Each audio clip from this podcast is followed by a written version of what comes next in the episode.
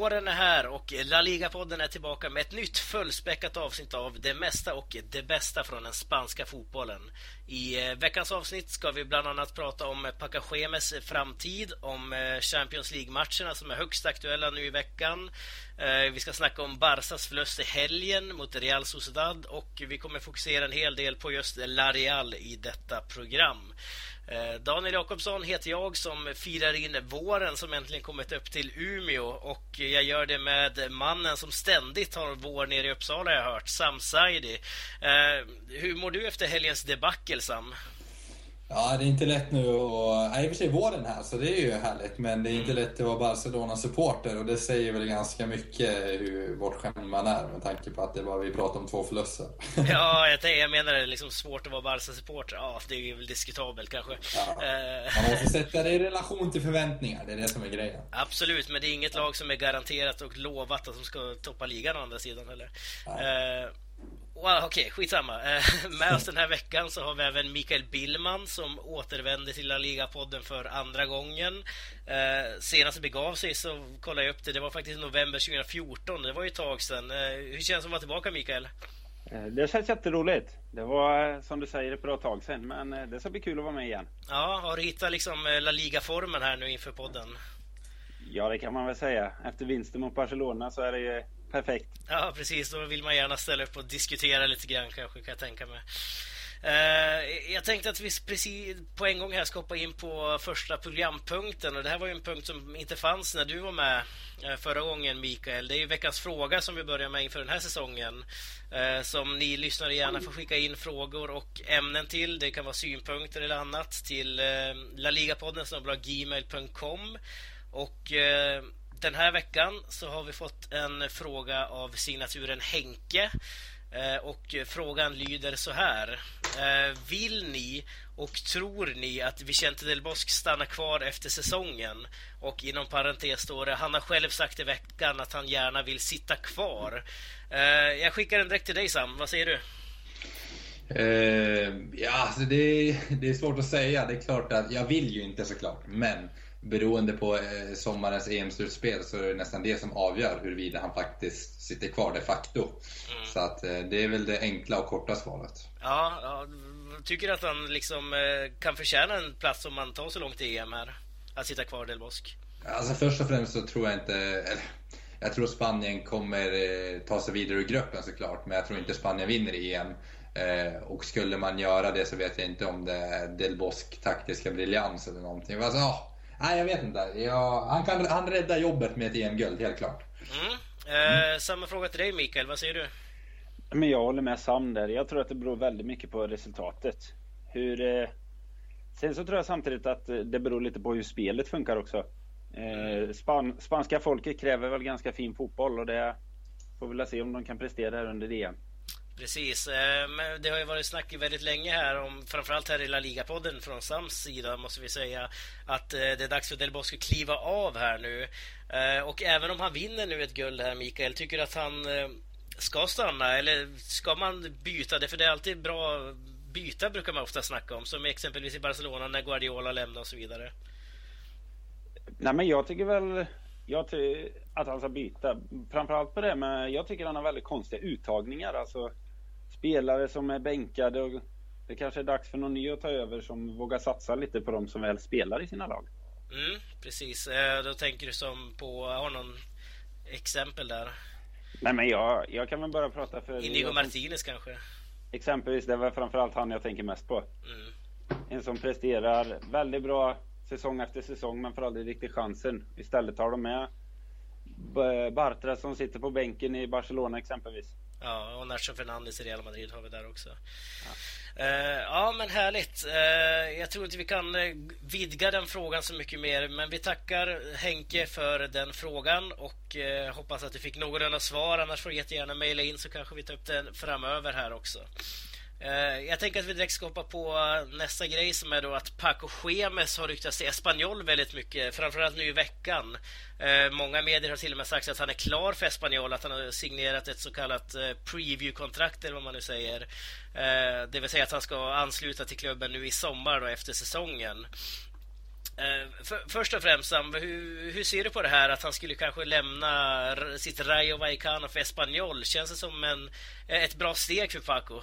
Det är absolut ett jättebra steg för Paco Gemes, men frågan är om Espanyol är redo för hans possession-fotboll. Det är jag mer osäker för. Ja. Eh, men jag tror det skulle vara rent idémässigt och långsiktigt en fantastisk eh, lösning. För Espanyols del tänker du där på, men eh, på, för Paco Gemes egen del då? Och det gäller honom också. Han kommer till en klubb som har helt andra förutsättningar, både ekonomiskt eh, men också egentligen kvalitetsmässigt. Och med Paco, Paco Gemes eh, idéer så tror jag det, det kan bli väldigt intressant eh, att följa Espanyols utveckling. Ja, eh, hur, hur, ser du på det här Mikael? Hur, vilken påverkan tror du att Paco Gemes skulle kunna ha på Espanyol om han lämnar Rayo Vallecano i sommar? Ja du, jag är inte så insatt i just den frågan kring honom, men jag, jag har kollat upp lite det här kring Rayo och jag tycker att de de har ju släppt in mest mål i hela ligan, vilket också Espanyol har ju släppt in näst mest, så det kanske är att han ska förbereda def defensiven i första hand i alla fall. Ja, precis. Ja, det, det är väl ett måste nästan oavsett vilken klubb han nu hamnar i, om det är Espanyol eller Rayo. Eh, å andra sidan har ju Rayo gjort en hel del mål också, 43 stycken, vilket är väldigt bra. Eh, eh, tror du att Rayo skulle sakna Paco Schemes i det här läget om han nu skulle lämna eh, Rayo då? Det beror nog vilken ersättare de får in. Men eh, som du säger, eh, de ger ju ganska mycket mål men släpper in. Men de kanske är i behov av en tränare som har lite mer struktur försvarsmässigt. Ja, eh, det, det, är ju väldigt svårt för oss att se om såklart vem som skulle kunna kliva in i ett sånt läge. Vi har ju Caparossi är oftast en sån som nämns i de här sammanhangen när vi snackar om tränare i ja, klubbar strax under toppen här. Eh, men vad säger du Sam, kan det vara Espanyols eh, nya pengar med den här nya ägaren eh, som, som kanske lockar Paco? Han har ändå ryktat sig större klubbar tidigare. Real Madrid har det varit snack om och det har varit snack om spanska landslaget framför allt. Eh, tror du pengarna som lockar Paco eller är det en utmaning för honom? Både och. Det är klart att jag tror Paco är lite sugen på att jobba i en klubb som har helt andra ekonomiska muskler. Eh, han jobbar ju ständigt, ständig motvind och får hela tiden försöka eh, överleva på sin, sin taktiska genialitet mer än att han kan, kan köpa kanske det han vill. Eh, och jag tror i Espanyol får han lite av båda. Det, finns, det, det är en trupp som är utvecklingsbar eh, och han kan krydda på med, med den här spetsegenskaperna, spelarna som han själv vill ha tack vare de ekonomiska resurserna. Så jag tror att det är ett steg i rätt riktning och jag tror det är nästan bättre att ta ett, ett sådant mellansteg än att hoppa direkt kanske till Real Madrid eller något. Ja, eh, samma fråga som jag ställde till Mikael här då. Tror du att Rayo kommer sakna Paco Gemes och hans spelstil? Eller tror du att det kanske gynnar en sån klubb som Rayo i det här läget? Eh Både och. Det är klart man kommer sakna Paco Gemes för att jag tror eh, Rayo-supportrarna har blivit lite bortskämda med, med för det, det, är ganska ovanligt att ett lag som ändå ligger på 16 plats och, och krigar för sin överlevnad ändå spelar en så attraktiv anfallsinriktad, possession-inriktad fotboll. Utan eh, då tenderar man ofta att eh, riskminimera och det gör ju inte Paco Gemes utan tvärtom. Och det är väl kanske om man tittar där som, som man kanske säger att ja, det, det, det, det kommer man kanske inte sakna att man släpper in sju bollar vissa matcher. Nej, precis. Um... Så både och. Ja, precis. Det, det är ju väldigt svårt för, så, såklart här också i och med att Paco Schemes inte officiellt är klar heller för Espanyol utan det här är mer ett rykte som har florerat i media. Men det är ju ett väldigt stort, eh, stort rykte i Spanien och måste man säga med tanke på att Paco Schemes är ju väldigt uppskattad i La Liga och i spansk fotboll generellt. Eh, mm. Så vi får helt enkelt kanske följa upp det här i slutet av säsongen och se om det händer något mer där. Eh, vi går vidare och snackar lite grann om Fran Escriba i Getafe, managern där. Eh, han gick nu nyligen ut efter matchen mot Villarreal som han förlorade med 2-0, där Henrik Goitom för övrigt spelade 90 minuter. Eh, han sa då att Getafe är skakade men inte döda. Sex omgångar kvar, ligger under strecket. kanske lämnar La Liga för första gången sedan 2004. tror du man gör det, Mikael? Jag tror tyvärr att de åker ut. Jag kollade lite på deras spelschema nu framförallt och eh, det är inga lätta matcher framförallt de tre första här tycker jag. Real Madrid, Real Sociedad borta, Valencia. Mm. Noll, noll poäng där, då ser det väldigt, väldigt mörkt ut. Ja, precis. Eh, skulle man kanske ha bytt ut Frane Skriver i tidigare skede, tycker du Mikael? Jag tycker att det är svårt att byta manager i slutet mm. på en säsong. Det, ofta så vill ju manager bygga någonting lite längre och då är det svårt att bara göra på ett par matcher. Så jag vet inte om det hade varit rätt Nej. rätt metod kanske. Nej, nu är han ju fortfarande kvar, men jag tänkte mer om man, man kanske skulle ha det. Det är som du säger, det är väldigt svårt för en ny manager att komma in i det här läget när det är bara sex omgångar kvar och rädda kvar en klubb. Uh, nu har man gjort det här bytet att man tar in Henrik Goitom och tror att han ska rädda kvar klubben, vilket, uh, ja, det låter väl vara osagt om det kommer hända eller inte, men uh, vad säger du då Sam? tror du att Getafe kommer ramla ur La Liga nu? Är man döda? Jag hoppas man är döda och jag hoppas man ramlar ur. Det är dags för Getafe att lämna Eh, Eh, La Liga utan, eller det, eller det är dags och de har hängt kvar på lånad tid. Eh, det är en klubb som missköts, det är en klubb som inte har någon vision eller något längre långsiktigt tänk utan det, det är väldigt kortsiktigt allt, allting.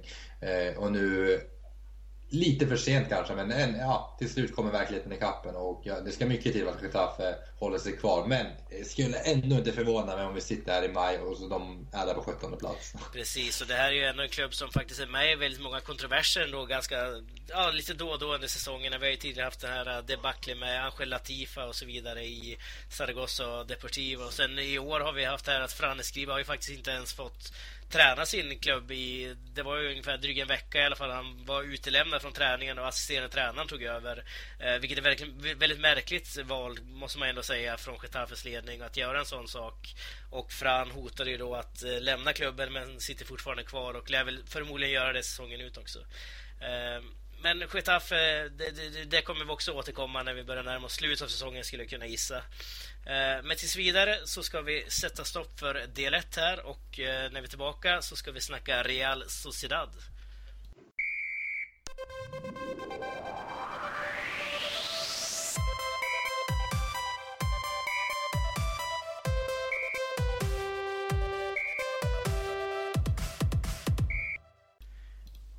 Helgen som var så lyckades Real Sociedad slå tillbaka de spanska ligaledarna Barcelona med 1-0 hemma på Anoeta. Eh, Barcelona har nu inte vunnit i San Sebastian sedan 2007 och det här var den sjunde raka matchen som katalanerna inte lyckades besegra baskerna. Eh, först och främst Mikael, om vi kollar på den här matchen som var i helgen här nu. Hur upplevde du segern för ditt Real Sociedad mot eh, Sams Barcelona? Ja, jag upplevde det som ja, man ska säga som vanligt när Sociedad spelar mot Barca. De ligger på försvar, kontrar, sen gör de ett mål och sen har de alltid en målvakt som lyckas göra årets match varje gång det är hemma mot Barcelona. Denna gången Rulli som, jag vet inte hur han räddar vissa bollar i denna matchen men vi har alltid det lilla, lilla flytet hemma mot Barcelona. Jag vet inte riktigt vad det är, om det är någon förbannelse kanske. Nej, eh, en fråga som jag alltid ställer som faktiskt många tycker är väldigt irrelevant, men jag måste ändå ställa den. Tycker du det var, var rätt, rättvist resultat? Nej, det tycker jag väl inte. Barcelona borde gjort något mål. Ja, och det, det här lyckas alltså Real Sociedad med, med den stora skaderistan ni ändå har. Eh, det måste ju vara ett styrkebesked ändå för Real Sociedad. Jo, men det tycker jag. Jag var väldigt eh, orolig, framförallt när Inigo Martinez var borta. Mm. Våran general i mitt mittförsvaret och sen så sätter de in Mikael och eh, Reyes. Jag trodde det skulle bli lite större hål där när eh, i alla fall två av de tre MSN-grabbarna var med. Precis, och ingen Aguirreche eller Canales eller eh, vilket i och för sig kanske mer eh, rotationsspelare, vad vet jag. Eh, men eh, samma fråga till dig då Sam, hur upplevde du den här matchen för ditt, eh, om vi tar ur Barcelona-ögons perspektiv? Ja, nej men det, det, är nästan som att man räknar med att det blir poängtapp här numera. Eh, så, så illa är och det, det är nästan eh, lite läskigt hur, vilken makt fotbollens historia har ändå. Att det liksom, man måste säga en psykoanalys för spelarna för att förstå hur det kan bli så här. Eh, och jag upplevde det nästan som en ganska typisk eh, Barcelona-match på Anueta. Man, man, man möter ett monstermål Eh, man möter ett inspirerat Real Sociedad som höjer sig på alla möjliga nivåer och eh, också lyckas göra konstmål. Alltså det är ett helt fantastiskt mål ändå Oira Sabal gör. Eh, så att, eh, ja, det var lite otur blandat med fotbollens historia och samtidigt som Real Sociedad gör det väldigt bra. Ja, vad, vad tycker du att eh, Lareal utnyttjade i den här matchen som kanske Barcelona borde ha täppt igen tidigare? Eh, Alltså det är lite svårt att göra en, eh, en, en, en bra analys för att egentligen så är det lite, det Mikael är inne på, att det handlar mycket om Roli som gör en helt, en orimligt bra match. Eh, och det är många tillfälligheter, men samtidigt så ligger man väldigt organiserat i sitt försvarsspel. Eh, även när Barcelona faktiskt kommer till sina lägen så är, så är man väldigt liksom, man är där och stör i sista sekund, vilket underlättar för Roli. Så att man, man är väldigt så här eh, påkopplad, om man säger så. Mm. Eh, men eh, ni har båda varit inne på det här lite grann att Barcelona har så otroligt svårt på Anoeta. Eh, har, du någon eh, tanke bakom det Mikael? Att, varför, finns det någon analys man kan göra där? Eller bara slumpen? Och, ja, vad, vad, vad, vad är det som händer i de matcherna? Ja, nej men som jag nämnde förr, jag tror det är mycket är nog slumpen. För att det kvittade om det var Bravo för ett Rulli. De gör alltid årets matcher i stort sett när Barca kommer. Jag vet inte om de som Sam pratar med, att de blir lite extra inspirerade och eh, får tur, turen med sig helt enkelt. Ja, så du var inte chockad över resultatet den här gången då? Chockad ska jag väl inte säga. Jag, jag förväntade mig väl kanske inte att de skulle vinna, men någonstans så hoppades man ju. Ja. ja, det måste man ju alltid göra. Samma fråga till dig Sam. Var du chockad över det här resultatet? Det kanske inte var. Du flaggade för det här förra veckan redan. Ja, jag flaggade för det förra veckan, men jo, det är klart man ändå, alltså det är ändå fascinerande hur det händer år efter år numera. Eh, och det är klart att man ska också komma ihåg att eh, var det någon gång man skulle bryta den här förbannelsen så känns det som att det var den här gången med tanke på alla avbräck eh, Sociedad hade. Eh, och det gör det väl det ännu hela läskigare än vad det var från början. Ja, eh, om vi kollar på nu senast vi var med, det var ju som sagt ett, eh, över ett år sedan, så hade vi då David Moyes som tränare för ditt Real Sociedad. Nu har vi alltså Eusebio Sakristan som har klivit in och kört i lite mer än ett halvår nu. Eh, ser någon förbättring eller någon förändring i Real Sociedad sen eh, Eusebio tog över kontra David Moyes, Mikael? Jag tycker att det har blivit lite mer anfallsfotboll sen Moyes lämnade. Han är väl ganska så känd för att vara defensiv som manager, mm. Moyes. Och han flyttade ner laget lite för långt. Mm. Tycker jag. De har börjat pressa lite högre upp vilket gör att de vinner bollen och får lättare att komma till anfall. Tycker jag. Ja, det eh, känns som att han har fått in den här spelstilen som han är ute efter nu, som du nämnde här, lite mer offensivare spelet. Att det har satt sig i laget. Eller är det fortfarande ett lag i utveckling, som du ser det? Jag tycker fortfarande ett lag i utveckling. Samtidigt som att det går sakta men säkert framåt. Eh, men också är det lite så att de kan spela på lite olika sätt nu, som mot Barcelona. Där de lägger sig försvarsmässigt och så har de några snabba framåt. Mm. Mot, mot Mois så kändes det som de låg lite för långt ner emellanåt och inte riktigt var med när de skulle anfalla. Nej, men eh, okej, okay, ser du han som en framtidsmanager här, Eusebio då? Eller är det en annan som kommer komma in efter säsongen här, tror du, Mikael? Jag tror att han kan bli kvar någon säsong till, men jag tror inte att han blir särskilt lång långvarig. Framförallt tycker jag att han har väldigt konstiga uttagningar emellanåt. Det är väldigt mycket rotation heter det. Mm. I eh, framförallt backlinjen. Även om vi har spelare som kan vara tillgängliga så har han i stort sett aldrig startat med samma backlinje vilket gör att det har blivit lite väl många insläppta mål emellanåt. Ja, det är intressant att ta upp det. Jag tänkte precis fråga om Carlos Martinez här. Det är ju faktiskt en spelare som jag gillar ganska mycket. Hur, vad hände där? Han har inte fått många minuter i år. Nej, han har ju varit väldigt mycket småskadad. Uh, sen när han väl har varit tillbaka så vet jag inte riktigt varför han har inte fått chansen. Och sen så är han med någon match, skadar sig igen tyvärr. För det är också en spelare som man både kan använda som högerback och som mittback. Som aldrig, aldrig i stort sett gör en dålig match. Nej. eh, hur, hur, ser du på uh, Eusebio Sam? Du känner ju honom som Barca lite grann. Eh, hur, hur, tycker du det ser ut för honom i Real Sociedad än så länge? Eh, alltså Eusebio har man ju lite hatkärlek till. Han gjorde ju helt fantastiskt resultatmässigt eh, en säsong i Barcelona. Sen så eh, var han, eh, berodde nog det mer på spelarnas individuella kvaliteter mer än på Eusebio. Men det är ju nog eh, inte hela sanningen såklart. Men det är lite så jag vill tro. Jag tycker han är en kasstränare egentligen i grund och botten. Eh, och jag hoppas inte han blir långvarig men eh, eh, ja, han verkar ändå få med sig resultat. Så att det där är ju en balansgång. Ja, det är lite personliga liksom, invändningar här känns det som. Ja, nästan så. ja, men eh, kontra Mois då, hur ser du den, eh, det, det, det bytet mellan de två?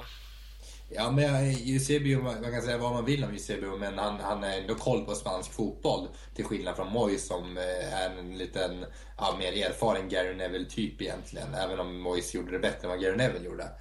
Eh, så Moyes passade inte in riktigt och han förstod inte den spanska fotbollskulturen. Och det kunde man ju tydligt se.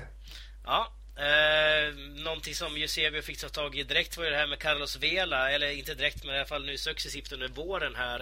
Eh, Vela vart ju bötfälld, fick träna isolerat och så vidare efter att han gick på en Chris Brown-konsert eh, istället för att träna då. Eh, hur, hur har det här bemötts i Real Sociedad, Mikael? Att han vart bötfälld och hela den här situationen. Vart har liksom sympatierna legat? Ja, om man ser, följer medierna och sånt så kan man verkligen säga att det är inte många fans som är på Carlos Velas sida. Det var många som ville, ja, inte ha bort honom direkt, men det är inte många som vill ha kvar honom efter säsongen tror jag inte. Nej, eh, komma, liksom hur han mottagits när han är tillbaka nu då och träna och spela matcher som vanligt? Ja, framförallt matchen direkt efter när de skulle åka möta Celta Vigo borta så var han ju petad ur truppen. Men då gick ju lagkamrater in och sa att vi vill ha med honom. Och det ändrade ju sig i CB och det var ju något som också fick fansen att bli ännu argare. Ja, på Vela eller på lagkamraten eller på Eusebio? Ja, det var väl mest på, på Vela kan man säga att han var med. Men samtidigt så tycker de, eh, tror jag, förtroendet för Eusebio tappades lite där bland må väldigt många hängivna fans. Ja, eh, hur ser du, du på det här Sam? Du som är lite neutral i det hela. Tycker du att det var för det första rätt att man eh, isolerade ut honom här och bötfällde honom? Ja, alltså det, det här är... Carlos Vela är ju en fantastisk fotbollsspelare som kan bidra med väldigt mycket till Real alltså, Sociedad när han, när han är harmonisk och känner sig harmonisk och eh, mår bra utanför plan. Så det här är ju en balansgång hela tiden. Eh, att hålla spelarna Eh, de här eh, kvalitetsspelarna nöjda samtidigt som man inte eh, får liksom börja dalta med dem. Och det är liksom den balansgången vi ser här återigen. Ja, men du tycker att det är rätt att han bestraffas då? Ja, det, det tycker jag i slutändan. För jag är nog en mer kollektivist än att man ska ge efter för individualister. Ja, precis. Det, det, är också liksom ett, någonstans ett statement att man gör det mot just Carlos Vela också. Mm. Uh, I och med att han är den största stjärnan i klubben, uh, om man nu får säga så. Det, får väl, det kanske du har annat att säga om, uh, Mikael, men om man kollar utifrån så är han den stora stjärnan i laget. Liksom. Eh, om vi kollar på en annan grej som eh, har hänt i Real Sociedad sen senast så är det ju väldigt aktuellt. Det är ju de här Panama-dokumenten eh, som jag tror väldigt få har missat. Om ni har gjort det så kolla upp det i alla fall, vad Panama-dokumenten eh, innehåller. Och det här har ju slagit mot Real Sociedad också nu. Enligt de här dokumenten då, som eh, har kommit fram så har Real Sociedad mellan eh, 2000 och 2008 betalat ut löner till eh, utländska spelare via det här skattefifflet då. Eh, skatteparadisen utomlands, däribland Darko Kovacevic, en av de största utländska eh, importerna i alla fall till eh, Real Sociedad på senaste tiden. Och eh, vi har där Real Sociedads general manager Iñaki Otegi, ursäkta uttalet, som säger att alla spanska klubbar fuskar på det här sättet. Är det försvarsbart, Mikael, att man säger en sån sak? Nej, det tycker jag väl inte. För det är ändå Sociedad någonstans som väljer var, var och hur man gör själv. Jag tycker inte att klubben ska skylla på några andra. Det är, det är klubben som har gjort fel, vilket gör att då ska man ta sitt ansvar, tycker mm. jag. Absolut. Jag tror att det, nu, liksom, när det här kommer fram till ytan och man har ju bara avslöjat det här fram till 2008. Jag tror att det kan fortfarande pågå. Det är ju en väldigt spekulativ fråga. Oj, ja, det gör det säkert på något sätt. Men eh, det känns ju som att eh, hela världen digitaliseras lite bättre. Så förmodligen så har de väl gömt dokumenten bättre nu de senare åren kanske. Ja, eh, hur, ser du på det här Sam, att Real Sociedad faktiskt har fällts för skattefiffel? Även Lionel Messi har gjort det. Eh, ja, det är ju... Jag skulle, om, om man sätter det i relation till flyktingkatastrofen så känns det som att det kanske är uppåt vi ska slå någonstans. Det, det blir sällan en debatt huruvida man ska sätta dit de människorna på något sätt eller eh, att det, de framstår som problem för samhället. Och någonstans är ju det här ett samhällsproblem.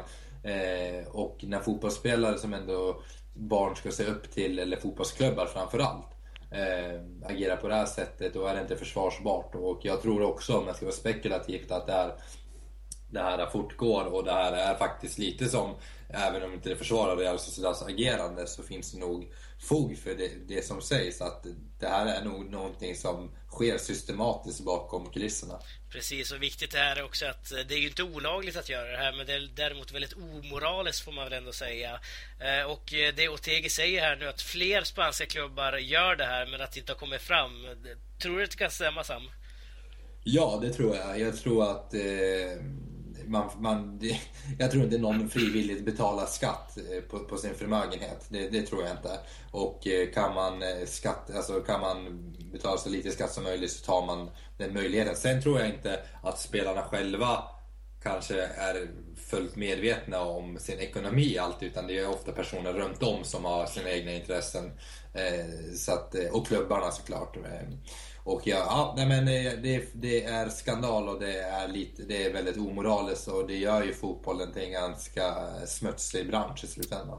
Precis, det är väl knappast Darko Kovacevic som säger till Real Sociedad att placera ja. pengarna i Seychellerna eller Panama eller vad det nu kan vara. Precis. Eh, men om vi kollar på just Real Sociedad som har fällts här nu då, lite kort Mikael. Varför tror du att just den här perioden mellan 2000 och 2008, finns det något samband till att Real Sociedad just gjorde det då? Eller är det bara att man gjorde det då helt enkelt?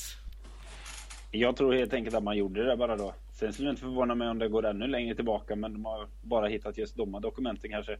Ja, det är ingen ekonomisk kris som ligger bakom det i Real Sociedad eller så? Nej, Real Sociedad har varit en ganska, ganska okej okay ekonomi hela tiden. Eh, om man går tillbaka lite. Så jag tror inte att det har någonting med ekonomin att göra utan jag tror att det handlar om, som ni pratar om det här med att eh, de vet inte riktigt var skatten placeras och så är de ju smarta. Behöver man inte betala skatt så kanske man skippar det.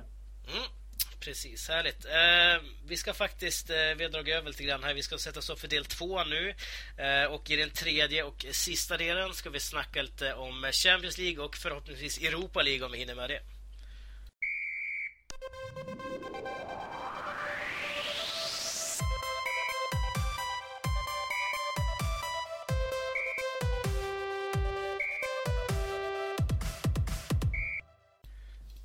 Denna tredje och sista del var min tanke att vi skulle diskutera veckans Champions League-matcher och eh, som sagt om vi har tid ska vi även försöka avverka Europa League-matcherna men det kan jag inte lova. Eh, om vi inte gör det så tar vi såklart nästa vecka.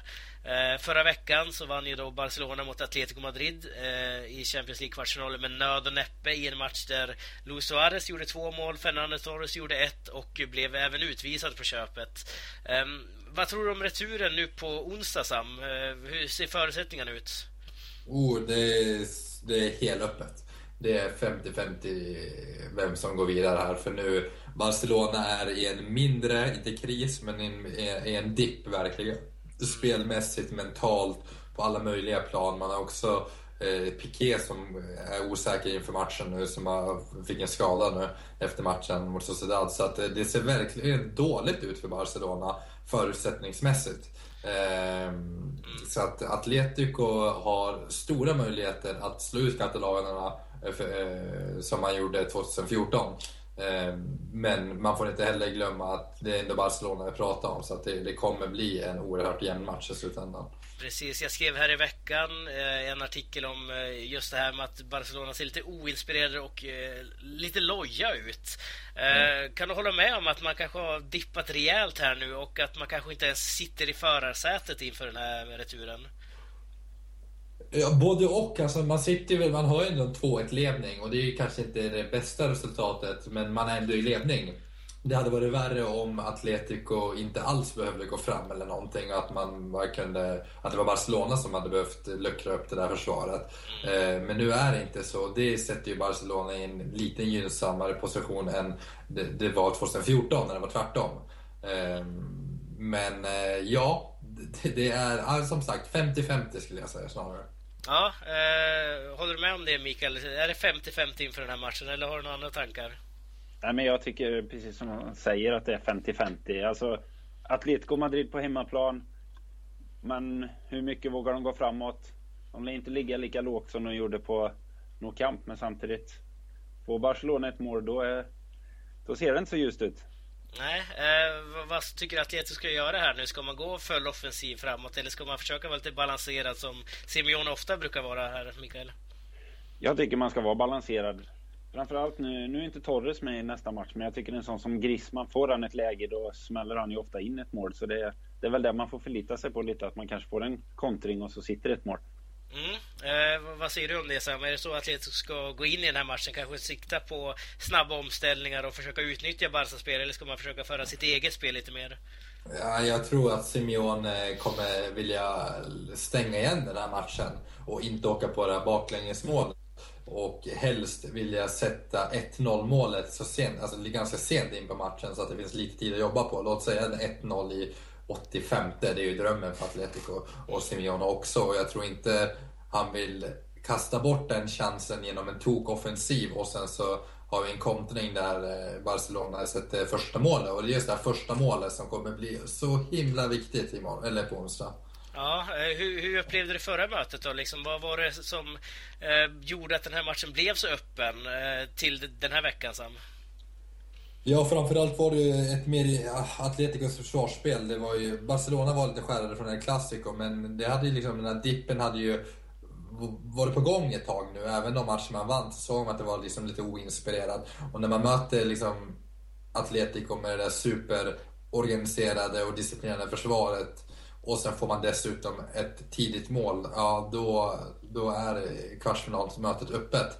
Och det är ju egentligen en slump att Barcelona har en spelare som Suarez nu jämfört med 2014 som gör mål från ingenstans. Det är ju två mål som inte kommer, ja, två slumpmål. Och det är ju mycket tack vare den här förmågan en spelare som Suarez har som kan göra mål från ingenstans. Och det, det är väl lite det man hoppas på på onsdag, att Suarez dyker upp någonstans och trycker in ett 0-1 mål.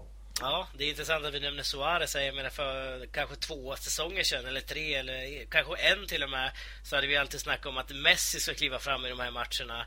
Eh, vilket han gör, fast kanske inte som målskytt, utan i en annan form av eh, dirigent på, som spelar fram exempelvis. Mm.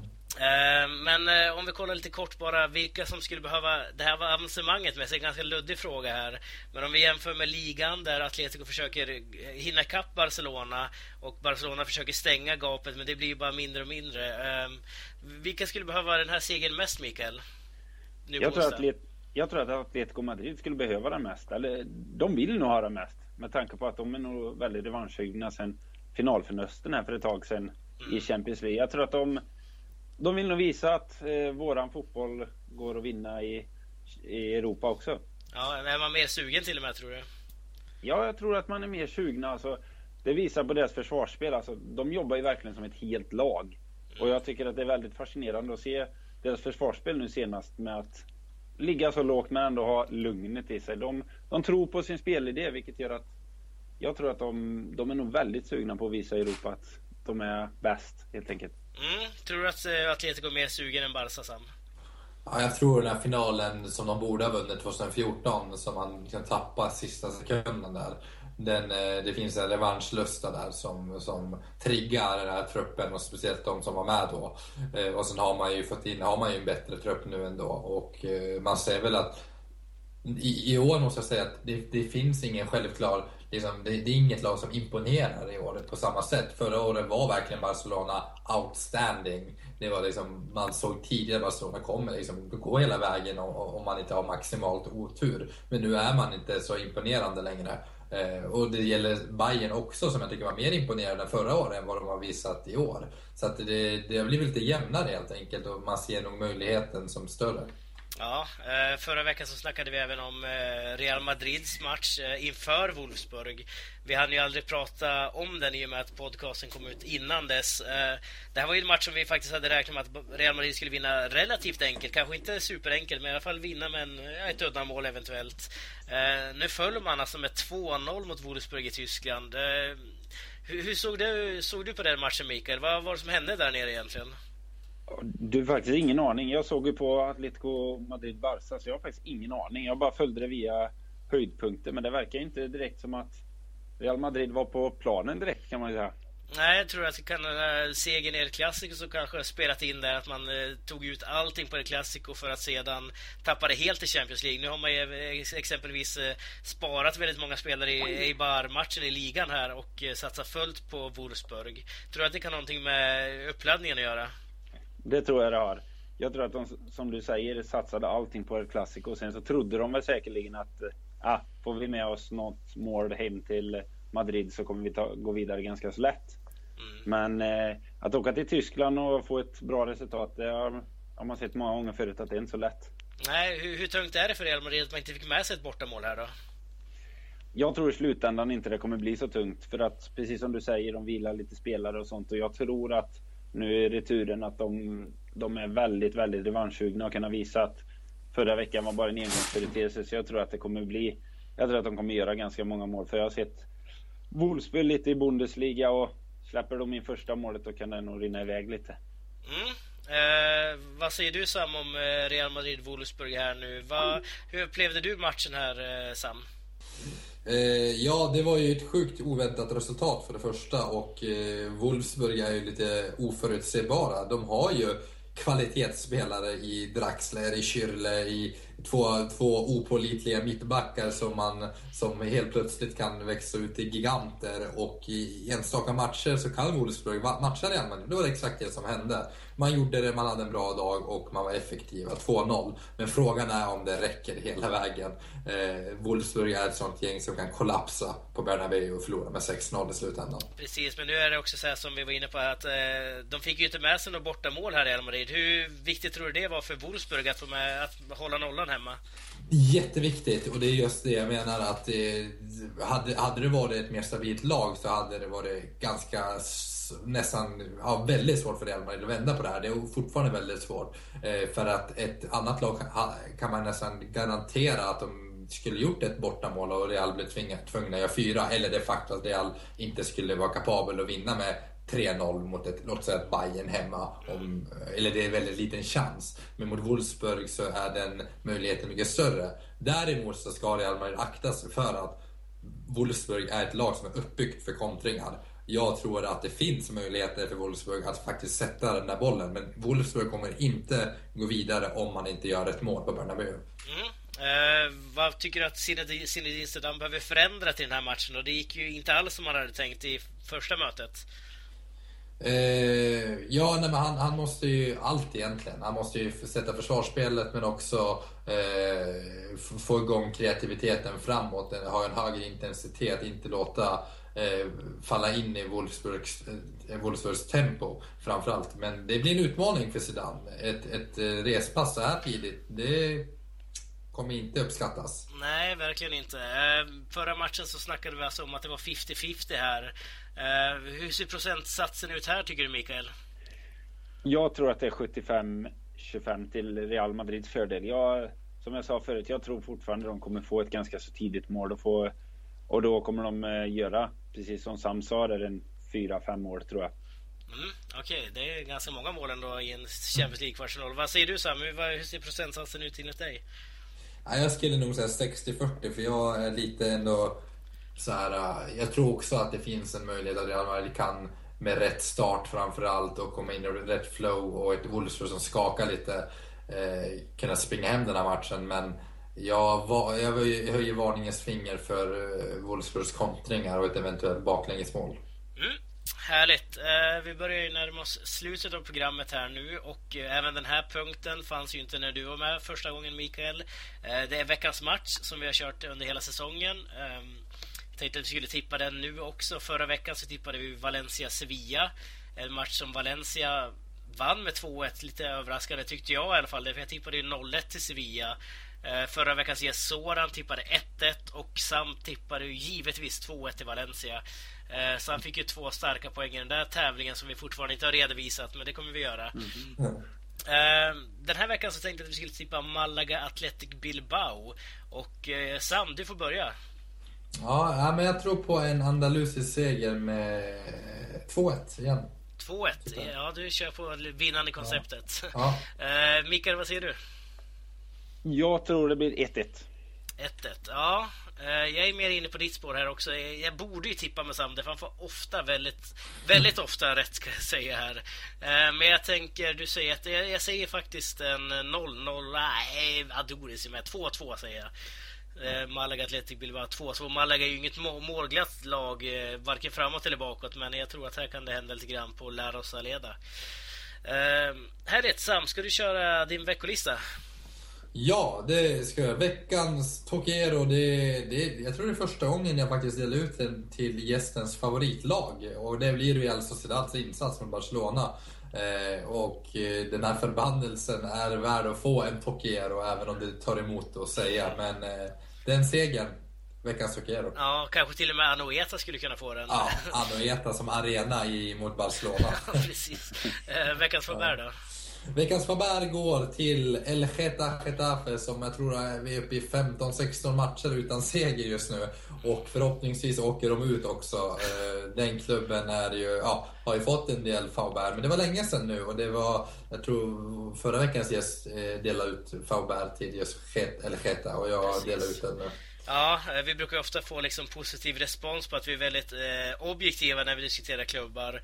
Eh, det har varit lite personliga angrepp här, vilket händer nästan varje vecka på Getafe. Eh, men det, det, det, jag tror många blundar för det, för det är väl kanske inte så många som håller på El, Elgeta eh, i, i, Sverige. Men eh, no offense till er, men det är en sådär klubb. håller du med om listan, Mikael? Är det ja, något du vill tillägga där? Nej, jag tycker det var väldigt bra. Framförallt när eh, segern på Anoeta där. Ja, att den eh, uppmärksammas. Det är klart den ska göra. Det är en väldigt stor seger. Det är vi van nu med ja. Anoeta. Sen kan man väl nämna det här med Panama-dokumenten att det är ju inte så särskilt bra från Sociedads sida i alla fall. Nej, precis. Och Messis sida är ju där också. Det är säkert fler som är involverade där. Det har jag inte så bra koll på. Eh, men härligt. Tack så jättemycket för att du var med den här veckan, Mikael. Det var jättetrevligt. Ja, Tusen tack! Jag hoppas du är med framöver här också. Det ska förhoppningsvis inte dröja mer än ett och ett halvt år innan nästa gång. Men eh, vi får hålla kontakten och se hur det blir där. Eh, tack till dig också Sam eh, för att du var med den här veckan. Och tack till er som lyssnade hela vägen. Eh, ni får jättegärna skicka mejl och frågor och synpunkter till laligapodden.gmail.com eh, Vill ni vara med i programmet så får ni jättegärna skicka in en sån ansökan också. Vi har faktiskt tagit emot alla som har skickat en sån och vill vara med och ni, de har fått vara med också. Eh, ni får även gärna besöka laligapodden.se som är vår hemsida som eh, finns lite gamla klipp och så vidare. Eh, men tack så mycket för oss. Vi hörs nästa vecka. Hej då!